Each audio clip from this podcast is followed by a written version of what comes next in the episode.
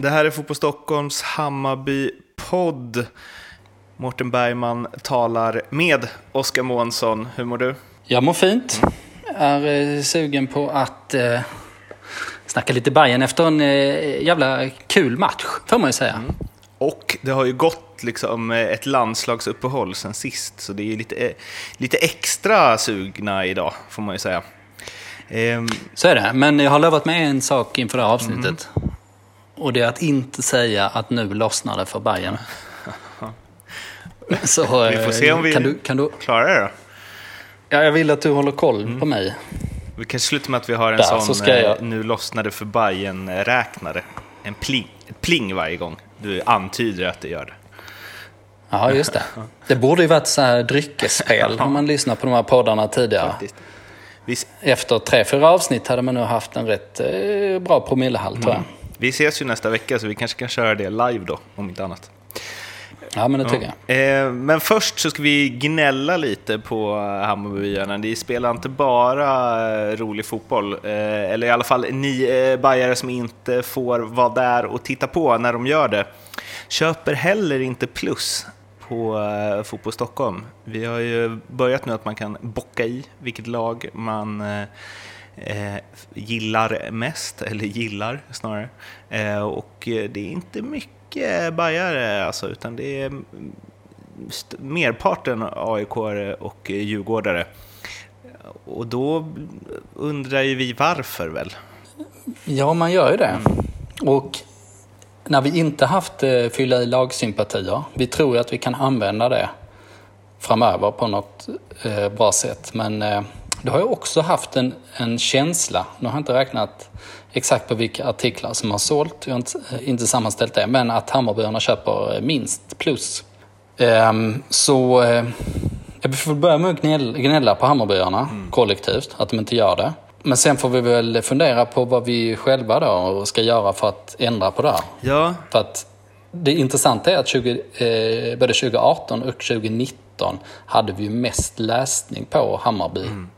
Och så låste vi och grejerna. Var... Och då försvann de. Sen, sen i och för sig 2018-2019 var ju eh, bra drag kring Bayern allmänt såklart. Och då gjorde vi också, eh, vi gjorde ju mycket bra Hammarby-material tycker jag. Eh, och klubben bjöd till lite mer. Allt det där går liksom hand i hand. Men det är ändå anmärkningsvärt. Eh, och eh, då är frågan vad vi ska göra åt det här helt enkelt. Ja, vi går ju lite planer nu om vi ska eh, smalna av ännu mer, rikta in oss ännu mer på lag för lag, dela upp det liksom. Vi har ju började med appen där, där man kan eh, fyll, ja, klicka i så man bara får nyheter från just sitt lag. Man kan bara få eh, pushnotiser om just det laget man vill följa. Men eh, vi fnular väl lite nu på om man ska göra det där ännu hårdare på något sätt. Om man ska kunna prenumerera eh, bara på sitt lags nyheter till exempel. Eh, men vi behöver ju eh, er hjälp lite och eftersom de flesta som lyssnar på det här förmodligen är eh, bajare och ni verkar vara de som, eller ni är de som är svårast att få att signa upp på plus. Så är vi ödmjuka nog att fråga vad bör vi göra för att eh, ni ska vilja vara med på pluståget? Lite så. Exakt, och det är ju för oss är det ju helt avgörande med plus. Um, om vi uh, inte säljer tillräckligt och vi är inte där än. Ehm, det kan man ju villigt erkänna och det har varit tufft år på annonssidan och så. Så om det inte händer stora saker på, på plus, då kan vi inte fortsätta så som vi gör. Eh, så, så är ju läget. Och det är därför vi pratar om att eh, göra om konceptet på ett eller annat sätt. Så hör gärna av er. Hur, hur skulle liksom er perfekta tjänst, fotbollstjänst se ut kring Hammarby? Um, som ni är redo att betala um, ja, 25 eller 35 eller något liknande i, i månaden. En liten peng för eh, att eh, få det du vill ha om ditt lag. Vi finns på Twitter, det är bara att skriva till oss på, till Oskar eller till mig eller till Fotboll Stockholm-kontot. Så är det, eller förnamn.efternamn at fotbollstockholm.se. Yes. Hammarby vann ju en, som du sa, eh, rolig tillställning eh, mot Mjällby och eh, det var ju fullt blås från start. Det var 3-0 efter 11 minuter, 2-0 efter 4 va? Och då är ju matcher ofta döda och då fick vi eller det var väl den starten, eller hela matchen i och för sig, men starten möjliggjorde ju det som hände i fortsättningen, vilket eh, fick eh, Stefan Billborn att ta fram eh, sågen igen, vilket eh, ju brukar vara ett gott tecken när han är irriterad fast man vinner, när han trycker på Ja, de tappar koncentrationen, blir nonchalanta, Eh, för att de är i tidig ledning och så har det faktiskt varit i Hammarby även när, eh, alltså när resultaten gått med. För det har vi pratat om många gånger, att de tog ju så stora ledningar så det gjorde ju inget att de slarvade sista halvtimman. Eh, och det gjorde ju inget den här gången heller. Men han är ändå på tårna. Ja, den här typen av sågningar det är ju ett gott tecken för Hammarby. Ehm, för att det är ganska vanligt att man jobbar så, men, men ganska ofta när det går trögt så försöker ju Billborn sätta saker i perspektiv och eh, eh, prata om att, eh, ja, men att Hammarby är sexa, det är liksom ingen katastrof på något sätt. Och om man tittar liksom på klubbens historia och eh, förväntningarna eh, utifrån att de varit för stora och sånt. Liksom. Alltså, det är ganska vanligt att man gör på det sättet. Har varit lite för mjäkig när det gått emot? Nej, jag tycker ändå inte det. Tycker, ibland känns det som att han liksom skuffar undan det. Inte skyller ifrån sig, men heller inte tar på sig ansvaret, typ. Nej, det är i och för sig... Nej, han ligger nog och balanserar lite där. Mm. Det, ja, men det kan nog... Det har du nog rätt i faktiskt. Men det här då, att eh, såg vi ju mycket eller har vi sett mycket under 2018 och 2019. Alltså Hammarby gör de här hysteriska perioderna eh, när man på en kvart kan göra tre mål till exempel, vilket skedde i det här fallet. Och eh, då riktar Billborn udden mot det som hände efteråt. Att man inte eh, klarar hålla den här intensiteten, att man går ner sig då i alla moment i spelet och att han är irriterad på det. Ehm, och eh, om det är liksom Hammarby-tillvaron så eh, borde nu supportrarna vara ganska nöjda med det. Varför gick det som det gick då i den här matchen kan man ju undra. Och eh, Oskar, du hade ju en spion eh, utsänd eh, till eh, Mjällbytrakterna som i alla fall eh, förklarade för dig hur de skulle hur de skulle spela, eller ta sig an den här matchen. Ja, men det hade ju i allra högsta grad. En mullvad skulle man kunna säga. En Mjällby-mullvad. Vilket, eh, det vill man ju ha i livet på något sätt. ja, det, tillf det tillför en dimension. Eh, mm. Och den här Mjällby-mullvaden var alltså på Mjällbys matchgenomgång och förklarade för mig inför avspark vad taktiken gick ut på. Ehm, och då var det då att man skulle spela, Mjällby har ju kan ju både spela offensivt och defensivt och ja, kan variera spelet med ja, sin, sin balans framförallt. Men i det här fallet skulle man spela, eh, ligga lågt, man skulle spela 5-3-2. Man skulle ha eh, kort mellan lagdelarna och vara tajta rent allmänt. Och sen skulle man försöka kontra och eh, den ytan man skulle söka var framförallt bakom Darijan Bojanic eftersom hans främsta egenskap är inte att jobba hem. Bra spottat. Så, Mm. Så det var, det var taktiken eh, som Mjällby hade med sig inför den här matchen. Och sen Hammarby hade tyvärr ingen eh, spion där på matchgenomgången som kunde förklara det. Men laguppställningen avslöjar ju eh, vad Hammarby ville. Nu var ju Jeppe Andersen eh, indisponibel den här gången, men nu när man väljer att spela med Darijan Bojanic och eh, Ayman Sher på innermittfältet, då har man ju på något sätt valt väg. Det är allt på ett kort. Man eh, man kör sitt lir oavsett vad motståndarna hade tänkt att göra.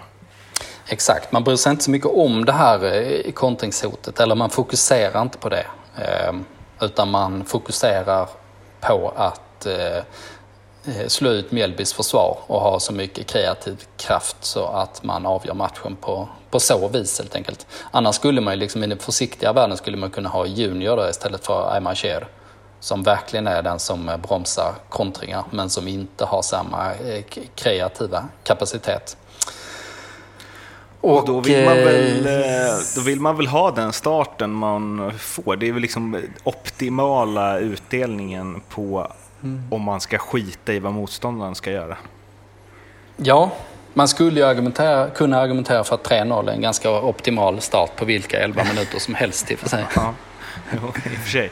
Men alltså det är väl bra om, om taktiken är, äh, vi skiter i om de tänker kontra här. Vi, kör, vi gör vår grej och sen hoppas vi att det flyger. Då är det ju liksom ett, eller det är ett bevis på att det flög. Det var rätt taktik. Mm, det får man ju säga. Mm. Sen så ska man ju lägga till, alltså Hammarby startar ju i ett uh, ursinnigt tempo och uh, gjorde det självklart mycket bra inledningsvis. Samtidigt så var alla tre målen var i bjudningar från Mjällby. Och det, på något sätt, om de ska spela 5-3-2 och ligga lågt och ha det som, eller den taktiken spelar ingen roll. Alltså de hade ju kunnat spela 2-3-5 istället. Eh, om man, för gör, man, gör man sådana misstag som man gjorde, då eh, spelar ju taktiken ingen större roll helt enkelt. Väldigt olandsigt faktiskt. Ja, och eh, nej, det har vi ju karaktäriserat Mjällby under hela säsongen att oavsett vilken taktik de har valt så har det ju varit ett starkt eh, kollektiv. Får man säga. Eh, så det här, eh, det har överraskat mig ganska mycket att man liksom brister koncentrationen på det sättet. Och eh, målen då, det var ju eh, till att börja med Ludvigsson, vår favorit, eh, som ju han gjorde två baljor och du twittrade ju att eh, Gurras lag, ju mindre tid desto bättre avslut.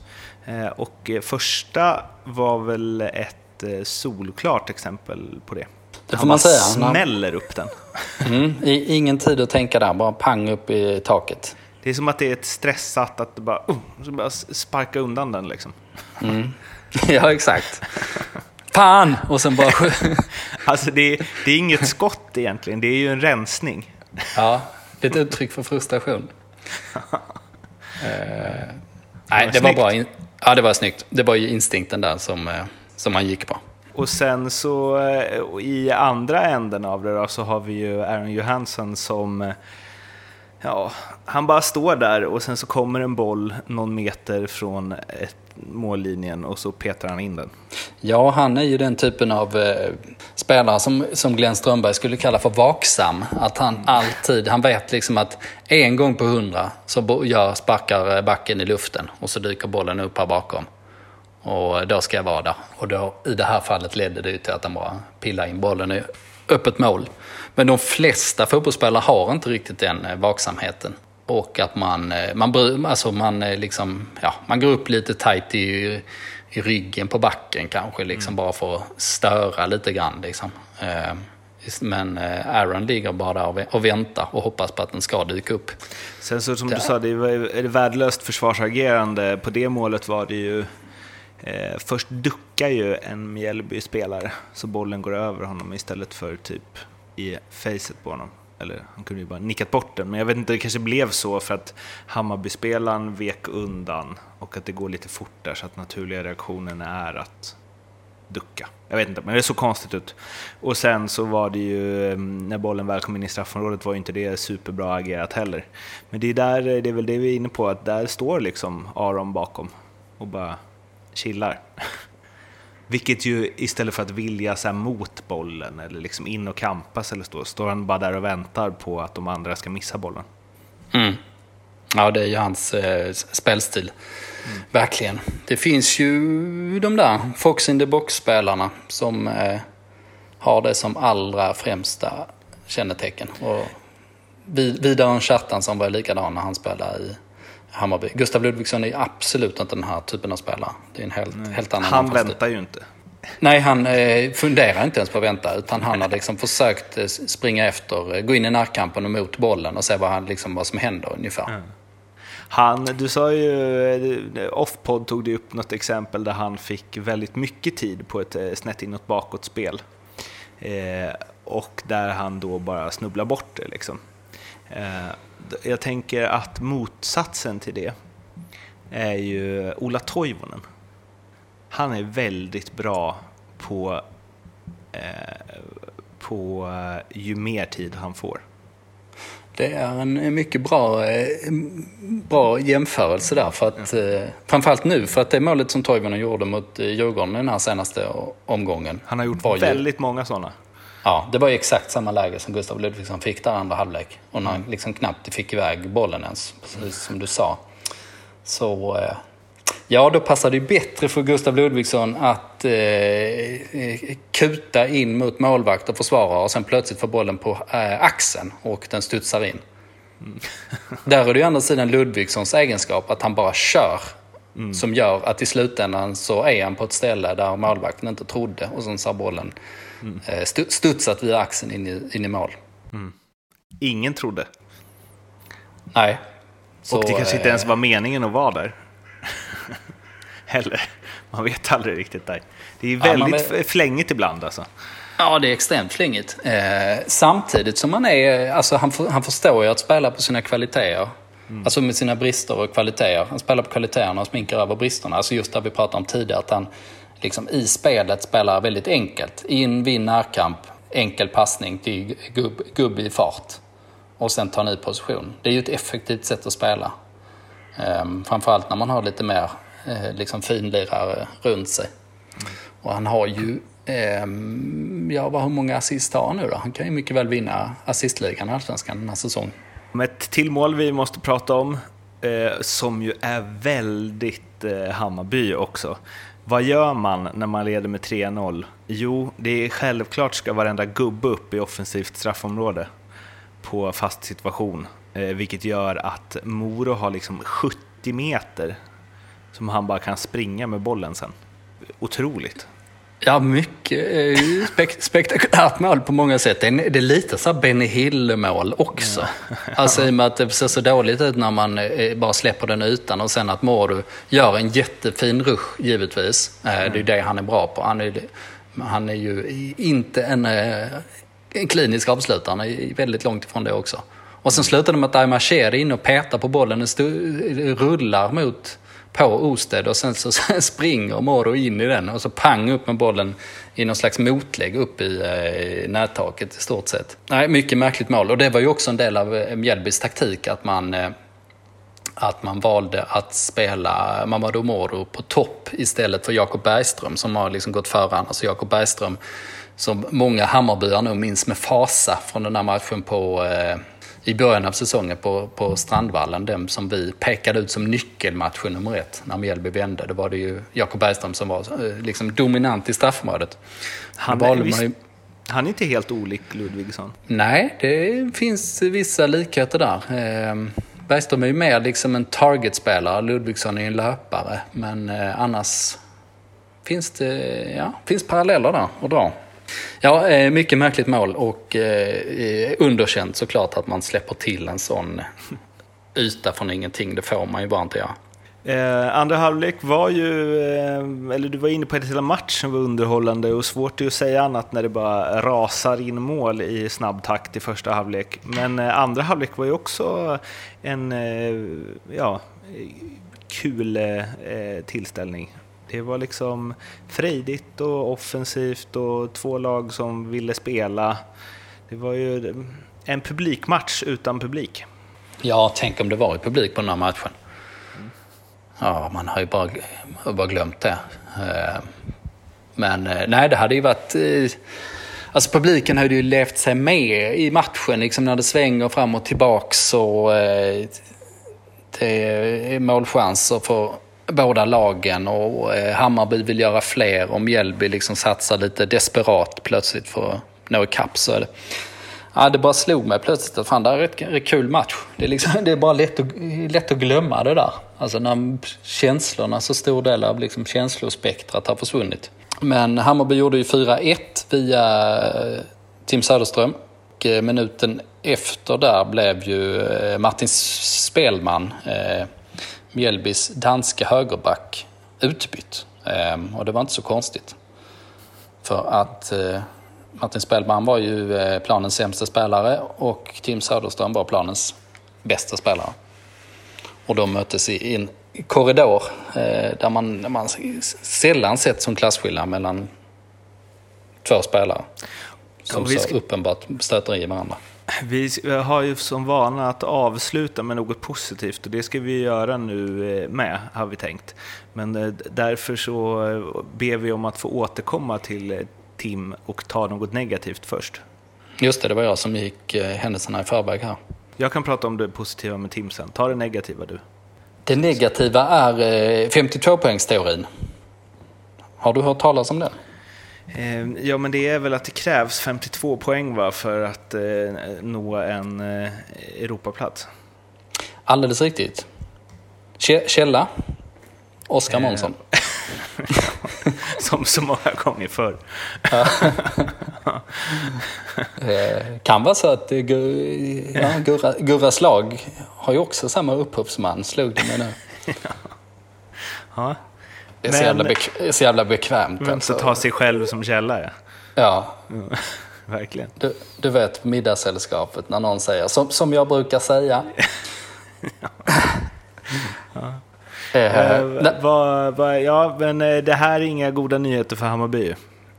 Ja, men jag satt och räknade på eh, vad man kunde förvänta sig av eh, serieavslutningen. För alla lagen på, mellan plats 2 och 7 har, har eh, chans till topp tre positioner i slutändan. Ehm, och det kommer bli jävligt jämnt och det kommer faktiskt bli rafflande ehm, mot slutet. Det kommer kännas att det här är på riktigt eh, på något sätt. Ehm, man behöver liksom inte försöka jämföra sig med de föregående åren. Men eh, det, ja, det kommer bli tajt och spännande där. Och eh, det jag räknade ut när jag bara gissade hur det skulle gå i de olika matcherna och ungefär var lagen kommer landa eller exakt var lagen kommer landa i min, i min eh, positiva prognos var det. Det var liksom om lagen spelar bra så kan man gissa att det kommer gå ungefär så här. Och då kom jag fram till MFF vinner ju såklart. Ehm, och eh, sen har vi Häcken på, 52, eh, på 55 poäng som tar andra platsen. Ehm, de har ju en match mindre spelade spelad än sina konkurrenter. Och sen så, då kom jag fram till att Elfsborg, Norrköping och eh, Djurgården kommer landa på 52 poäng och att det då står mellan de tre om den här eh, eh, tredje platsen som gäller den sista direktplatsen till Europa. Och sen så Hammarby, de landar på 50 då enligt min uträkning. Hammarby stod väl i mellan fyra och sex gånger pengarna för att ta en topp tre-plats när vi tittade på det. Mm. Det lät väl rätt rimligt att ja, chansen finns där men det, det är ett långskott. Mm. Och eh, man kan ju lika gärna bli eh, till exempel sexa. Men de, eh, de prognoserna jag gjorde då var ju som sagt att alla lagen ska, kommer att avsluta ganska bra.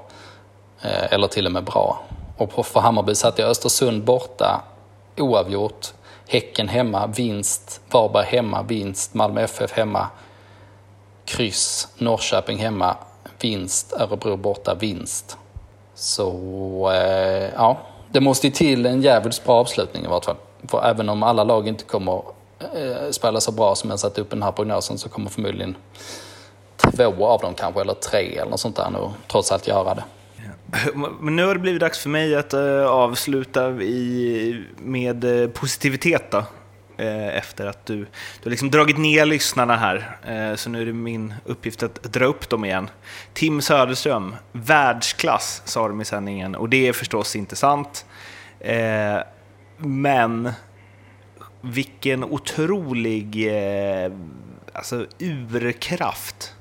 Och ja, varför spelar han inte alltid sådär, tänker man ju. För, jag smyger in lite negativitet i det med, men han är ju... Om vi säger att han är världsklass fast han inte är det, då kan man också säga att ibland är han korpenklass. Det är han ju inte heller förstås. Men det är en otrolig spann mellan eh, bästa och sämsta prestationer där alltså. Ja, han skulle kunna ha störst spann där. Mm. Mellan to toppen och botten. ja, Det nu blev det negativt, eller det är väl bra med. Men, eller så här, vad ska de göra för att det spannet ska minska eller för att han nästan alltid ska befinna sig på den positiva sidan av det? Ja, det kan de nog inte göra någonting åt, men eh, de kan ju åtminstone göra, liksom höja andelen positiva insatser. Det borde man kunna jobba med och nu har jag liksom dividerat hela tiden vilken position han ska spela på. För det, har ju lite, alltså det är ju hans stora styrka och förbannelse samtidigt. Att han, han, har, han kan ju och har ju spelat på bokstavligen alla positioner på, på planen utom målvakt i sin karriär. Um, och när han kom till Hammarby så han var ju värvad som innermittfältare. Då trodde man ju att uh, ja, det var där han hade landat på något sätt. Men sen så är han ju inte eh, uh, innermittfältaren som passar uh, för Hammarbys spel egentligen. Det har vi varit inne på tidigare också. Med, med eh, framförallt eh, snabba konstgräset och sånt där. Liksom. Ehm, men det verkar ju som att eh, ytterbackspositionen är ju det bästa, trots allt. För att eh, även om man kan ha brister i, i försvarsspelet, positionsspelet sånt där så eh, liksom, han har ju inga, inga övermän eh, vad det gäller att gå framåt när han är på det här humöret.